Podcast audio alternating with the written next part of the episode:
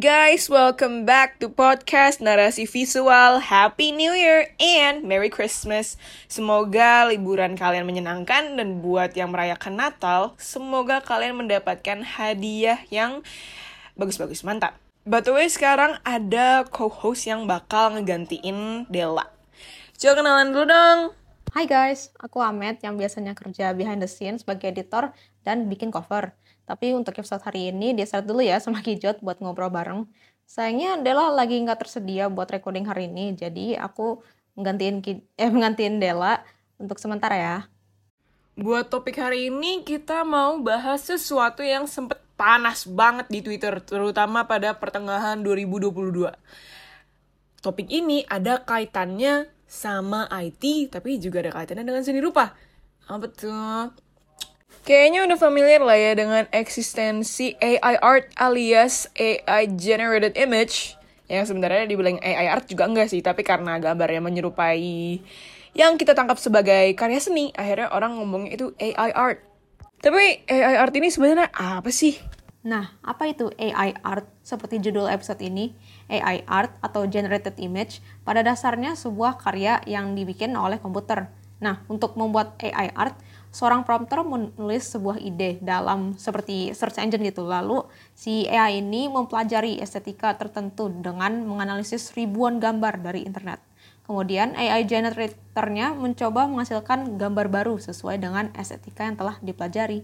Jadi simpelnya komputer ini go brr, terus ngobrol gambar. But in order for computer to brojol art, how does it actually works?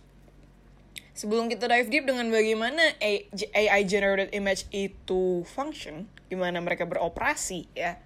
Kita mau menyentuh topik mengenai AI. AI sendiri mungkin di telinga orang-orang itu agak menakutkan ya karena banyak video beredar mengenai kayak oh my god AI is going to destroy the world. Hal-hal yang kayak gitulah. Tapi sebenarnya AI itu udah umum banget di kehidupan manusia. Contohnya umumnya gimana tuh? Kayaknya nggak berasa gitu kan. Sebenarnya, yang mengatur feeds explore di Instagram itu AI. Yang mengatur FYP TikTok itu AI. Yang memberikan rekomendasi video di YouTube itu juga AI. Dan bahkan yang bikinin kalian playlist di Spotify itu juga AI. Misalnya entah release radar lah, apalah mungkin namanya Spotify atau SoundCloud atau YouTube Music dan lain-lain. Itu yang ngatur semuanya adalah AI. Karena sebenarnya AI itu diprogram oleh manusia dan kasarnya ya. Disclaimer, kita berdua hanyalah mahasiswa FSRD, kita bukan profesional, kita bukan orang IT, kita bukan orang yang bisa memprogram AI, namun ya kasarnya AI itu sebenarnya mesin yang diprogram untuk belajar berdasarkan data atau aturan tertentu. Kalau misalnya buat sosial media, datanya yang mereka pelajari itu berdasarkan apa yang user itu lakukan. Misalnya apa yang di-like, komen, save, dan share. Itu bisa mempengaruhi apa yang muncul di feeds user tersebut. Namun yang pasti untuk AI generated image beda konteks dong, beda cara mereka beroperasinya. Kalau misalnya untuk AI generated image yang pasti mereka itu diprogram untuk mencari gambar yang sekiranya cocok dengan prompt yang diberikan oleh yang mengetik prompt tersebut. Misalnya, kita ini kita simplify banget karena kalau misalnya kita mau menjelaskan secara mendalam itu bukan ranah kami sebagai anak FSRD dan host mm, podcast narasi visual ya. Kayak misalnya DALI, dia menggunakan Google sebagai website sumber utamanya untuk gambar yang akan digunakan untuk mishmash gambar yang AI generated image. Misalnya prompt yang diberikan itu kodok main gitar, maka mereka akan mencari gambar kodok dan gambar gitar dan mereka ya campurin itu sendiri. Tapi untuk website AI generated image yang lainnya, sistem yang digunakan pun beda-beda. AI generator yang kita akan bahas selain DALL-E ada Stable Diffusion dan Midjourney. Mereka hanya memberikan beberapa kali coba untuk generate image, kemudian perlu membayar untuk terus memakainya. Nah, program AI yang pertama itu ada DAL-E itu yang tadi sudah disebutkan. Uh, program AI ini dibuat oleh OpenAI yang membuat gambar dari deskripsi tekstual. DAL-E ini telah dilatih dengan dari jutaan gambar stok gitu yang dari internet. Habis itu menjadikan hasilnya lebih canggih dan cocok untuk penggunaan perusahaan. Uh, dalam hal kualitas, DAL-E terlihat lebih bagus yang mumpuni uh, dibanding dari Stable Diffusion dan Midjourney. Selain itu ada Stable Diffusion. Nah, Stable Diffusion ini software yang paling rumit, tapi juga yang paling fleksibel dan lebih terbuka diakses untuk semua orang di antara ketiga uh, program-program ini. Stable Diffusion ini cocok untuk ilustrasi yang rumit dan kreatif, tetapi uh, kurang uh, bisa ya dalam membuat gambar umum seperti logo. Yang terakhir ada Midjourney. Uh, Midjourney ini bisa diakses dari Discord. Dia lebih mahir dalam mengadaptasi art style yang sebenarnya untuk membuat uh, gambar kombinasi apa pun yang diinginkan oleh prompter atau pengguna. Gambar yang dihasilkan oleh Midjourney ini jarang terlihat seperti foto, melainkan seperti uh, lebih kayak lukisan. Ketiga program ini ditenagakan oleh AI generatif, didukung oleh program komputer yang disebut dengan model diffusion atau diffusion model Inggrisnya. Secara sederhana, model diffusion ini agak rumit ya prosesnya. Namun, biar mudah dipahami, model diffusion adalah AI yang diprogram untuk mengambil dari aspek dari banyak gambar yang sekiranya cocok dengan prompt yang diberikan. Kemudian, mereka mencampurkan semua aspek itu yang cocok menjadi satu gambar yang baru dan menurut sistemnya sesuai dengan prompt. Jadi, kesimpulannya, model diffusion diprogram untuk mempelajari gambar dari sumber yang ada, lalu membuat gambar yang baru yang sesuai dengan prompt alias kata yang diberikan. Dengan cara ini, model dilatih tidak hanya untuk menghasilkan gambar dengan kemungkinan makna yang tinggi, tetapi dengan kemungkinan akurat yang tinggi sesuai kata-kata deskriptif yang sama diasosiasikan dengannya. Gitu deh. Habis bahas tentang cara kerja AI generated image yang agak panjang tadi, ayo nih kita lihat reaksi masyarakat. Dengan perkembangannya AI yang merevolusi di bidang seni, pasti pada penasaran bagaimana tanggapan para seniman. Maka dari itu, kita sebagai KMSR nanya ini anak-anak sekitar FSRD. Kita akan bacain tanggapan-tanggapan mereka. Dalam post kita, kita nanya, e, menurut kalian apa itu AI art? Untuk sender pertama bilang dia gambar buatan AI image generator kayak Midjourney, Stable Diffusion, DALL-E, Lensa, dan lain-lain. Emang guys, seperti yang kita udah bahas tadi, AI image generator ada beberapa yang tersedia, dan paling bakal tambah banyak yang lagi dikembangkan. Terus tanggapan yang kedua ada mengambil kesempatan kerja saya. Bah, kalau misalnya ini kayaknya salah sih ya, karena mengetahui kalau misalnya AI itu pada dasarnya tidak sempurna, dan kalau misalnya diminta gambar orang terus malah dikasih jarinya ada delapan pertangan kayaknya sih hmm, tahui dengan AI yang bahkan masih ngandelin karya manusia buat jadi source mereka sih. Kita nggak mungkin digantiin oleh sesuatu yang kita program dan yang masih sangat bergantung dengan apa yang kita buat. Jadi santai aja bos. Bener apa yang Kija tadi bilang guys. Kalian pasti kalau lihat gambar AI suka ada detail yang aneh seperti di tangannya atau jari. Mereka belum bisa bikin yang precise. Jadi belajar anatomi ya, biar nggak kelihatan kayak gambar AI. Oke, selanjutnya. Sender ketiga bilang, such a cool stuff, but not as cool as human art. It's rapidly created and random. Art needs time to make, okay? True, bener bos. AI generated image mah emang tinggal ketik, terus keluar deh gambar yang diinginkan. What's the fun in that gitu loh. Banyak orang yang suka gambar itu bukan karena bisa menghasilkan karya doang, tapi juga prosesnya, the blood, sweat, and tears dari artis-artis tersebut. Kalau yang ini paling benar sih aku setuju banget karena pada dasarnya pun sebenarnya seni rupa ini kan digunakan oleh manusia untuk mengekspresikan emosi dia sendiri ya. Dan apa pun yang ada di kepalanya, even if it's like a furry art, it is still the result of a human mind and menurut kita berdua it's like way better compared to like AI art. Yes, I said my thoughts. Furry art, no matter how horrible it is, is way better compared to AI art. Dari keempat, ngomong buat meme sih lucu tapi kalau diseriusin jangan deh. Ini bener sih zaman zaman AI generated image masih on the rise. Banyak yang memakai DALL-E cuman buat bercandaan doang gara-gara hasil gambarnya kayak lucu-lucu dan kayak kinda uncanny but it's still funny. Tapi kalau misalnya diseriusin sampai dijual sampai bahkan ada yang ketipu katanya orang buka commission tapi ternyata itu gambarnya dibikin oleh AI bahaya sih tapi ngomong-ngomong sebenarnya hal kayak gitu legal apa enggak ya? Bakal dibahas lo nanti. Jangan jangan di live dulu, jangan di live dulu. Oke okay guys, yang paling frustasi itu aku pernah lihat nih di kasus di Twitter. Artis lagi gambar di live streaming. Terus ada orang lain nih main screenshot lalu kayak diselesain lewat AI generate image. kemudian uh, post di Twitter ngeklaim kalau dia itu hasil gambarnya yang si tukang comot ini kayak apa sih kesel banget gak sih lu udah ngerjain suatu gambar nih dari sketch sampai finishing yang lama gitu prosesnya habis itu pas lu mau post finish produknya malah ada orang lain comot gambar lu pakai AI itu menghina sekali sih menurut aku Oke, agak ngegas dikit ya tadi.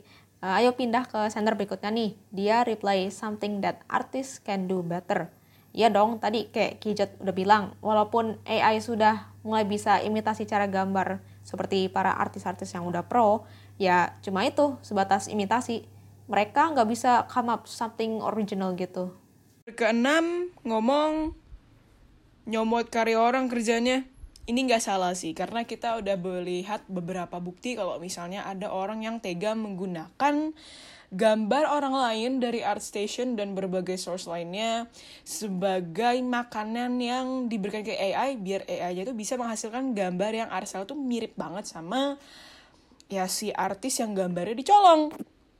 Banyak yang protes tapi sampai sekarang sayangnya website seperti ArtStation dan Adobe bahkan Adobe yang kita tahu lah ya banyak orang profesional yang menggunakan Adobe sebagai main platform buat mengerjakan pekerjaan mereka dan they mereka tuh kayak nggak ada ketertarikan buat melindungi karya orang yang menggunakan website mereka gitu loh which is very weird. Anehnya lagi tuh ini cuma terjadi buat karya yang apa ya kayak gambar atau visual gitu loh.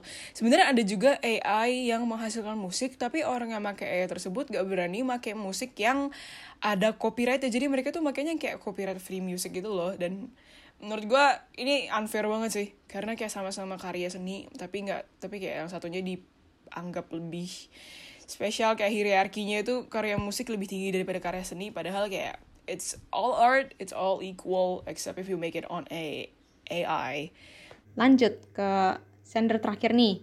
Dia bilang super uncanny.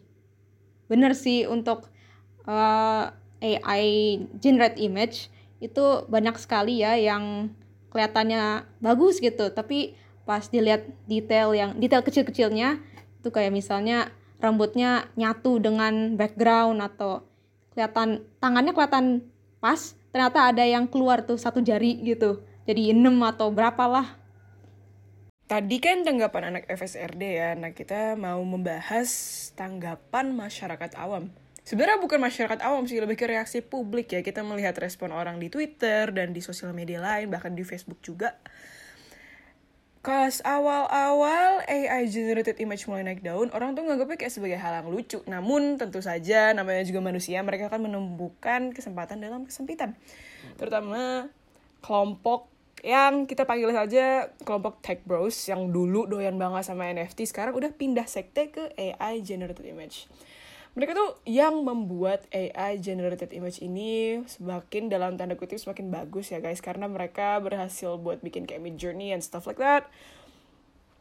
Yang awal-awal tuh seharusnya nggak terlalu diseriusin tapi mereka kayak mencoba untuk membuat duit dari hal tersebut. Dan caranya mereka sebenarnya nggak ethical banget ya karena hmm, mereka ini menganggap kayak buat apa belajar gambar susah-susah kalau misalnya bisa bikin gambar lewat AI dan kalau misalnya mereka diprotes sama orang yang emang pada bisa gambar mereka tuh aku tuh pernah baca responnya di twitter kayak buat ap, apa ya kayak belajar gambar tuh cuma buat yang punya privilege doang kayak nggak semua orang memiliki waktu dan dedikasi dan alat-alat yang bisa dipakai buat latihan gambar. Padahal kayak lu latihan gambar tinggal pakai pensil sama kertas doang tutorial di internet banyak banget anjir. And like most of them are free. Kayak lo nggak usah les gambar anjir. Terus Akhirnya gara-gara hal tersebut sampai ada yang namanya AI artist. Padahal kerjaan mereka itu cuma ngetik sesuatu ke prompt. Dan lebih lucunya lagi kalau misalnya ada orang lain yang menggunakan kata yang sama. Kayak misalnya prompt gue anjing main gitar. Terus Ahmed bikin prompt kucing main gitar. Karena main gitarnya itu kata yang sama. Gue tuh nganggep Ahmed itu artif. Karena dia menggunakan prompt yang sama. Itu bodoh banget gak sih? Tech Bros, kalau misalnya untuk reaksi pada ilu para ilustrator dan kaum sejenisnya, terutama kita, tadi udah dilihat ya, ada yang takut kerjanya diambil, ada yang protes bilang kayak keren sih tapi gak sekeren gambar manusia. Terus ada juga yang bilang super uncanny. Pun yang kita perhatiin adalah banyak yang takut kalau kerjanya itu diambil oleh AI. Tadi udah aku bahas ya karena ada yang bilang kalau dia takut kesempatan kerjanya diambil. Kata gue sih selama kita masih berkarya, selama kita menghasilkan gambar, AI generated image gak mungkin bisa gantiin kita karena mereka pun bisa menghasilkan gambar kayak gitu karena kita. Kalau misal kita nggak ngupload gambar kita ke internet kalau misal kita nggak gambar AI generated image gak mungkin ada. Kalian harus ingat AI generated image karena dibuat oleh komputer doesn't have any soul. Mereka tidak memiliki keunikan pada gambar mereka sendiri karena keunikan itu sudah diambil dari karya-karya lain yang bisa dibilang orisinil dan mau bagaimanapun AI art gak mungkin ngambil kerjaan kita. Meskipun pasti bakal ada orang-orang yang menggunakan hal tersebut. Gak segampang itu sebenarnya. Karena kalau dipikir-pikir karena AI art itu sumber yang ngambil dari internet yang kita nggak tahu batasnya sampai mana sebenarnya legal nggak ya kalau misalnya AI art ini diperjualbelikan? Sampai sekarang tuh belum ada hukum yang membahas mengenai AI generated image atau AI art. Karena masih baru. Ahli hukum dari Amerika pun mengatakan kalau sesuatu pekerjaan itu dihasilkan oleh AI, kalau misalnya mau dikasih copyright, belum tentu bakal dikonfirm atau malah gak diperbolehkan sama sekali. Di Indonesia lebih gak jelas lagi karena di Undang-Undang Hak Cipta pun perlindungan karya abadi seperti ilustrasi dan lain-lain itu cuma tersirat. Sehingga banyak masyarakat yang kurang paham atau bahkan nggak tahu sama sekali tentang perlindungan atas karya yang memiliki hak cipta di mana kita ya bisa berasumsi kalau misalnya AI art mau di copyright di Indonesia itu kayaknya agak susah karena hukumnya pun kurang jelas. Apa yang kita bisa resap hari ini? Kita tadi sudah bahas nih apa itu AI art atau generated image. Intinya mereka itu gambar yang dihasilkan oleh komputer. Kita tinggal tulis sebuah ide atau prompt Lalu komputer tersebut yang sudah dilatih dari berbagai macam data dari internet mencampurkan tuh banyak gambar sehingga menghasilkan gambar yang semirip mungkin dari prompt tadi. Tanggapan-tanggapan dari masyarakat sangat bervariasi. Ada yang dukung, ada yang cuta acuh, dan kemudian ada para seniman.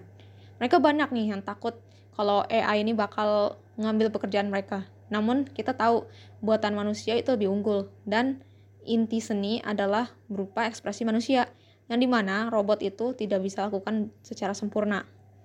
Terkait dengan apakah menjual gambar hasil AI itu masih diperdebatkan.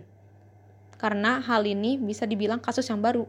Oleh karena itu, kita bisa berharap orang yang berusaha membuat aturan mengupdate tentang hak cipta.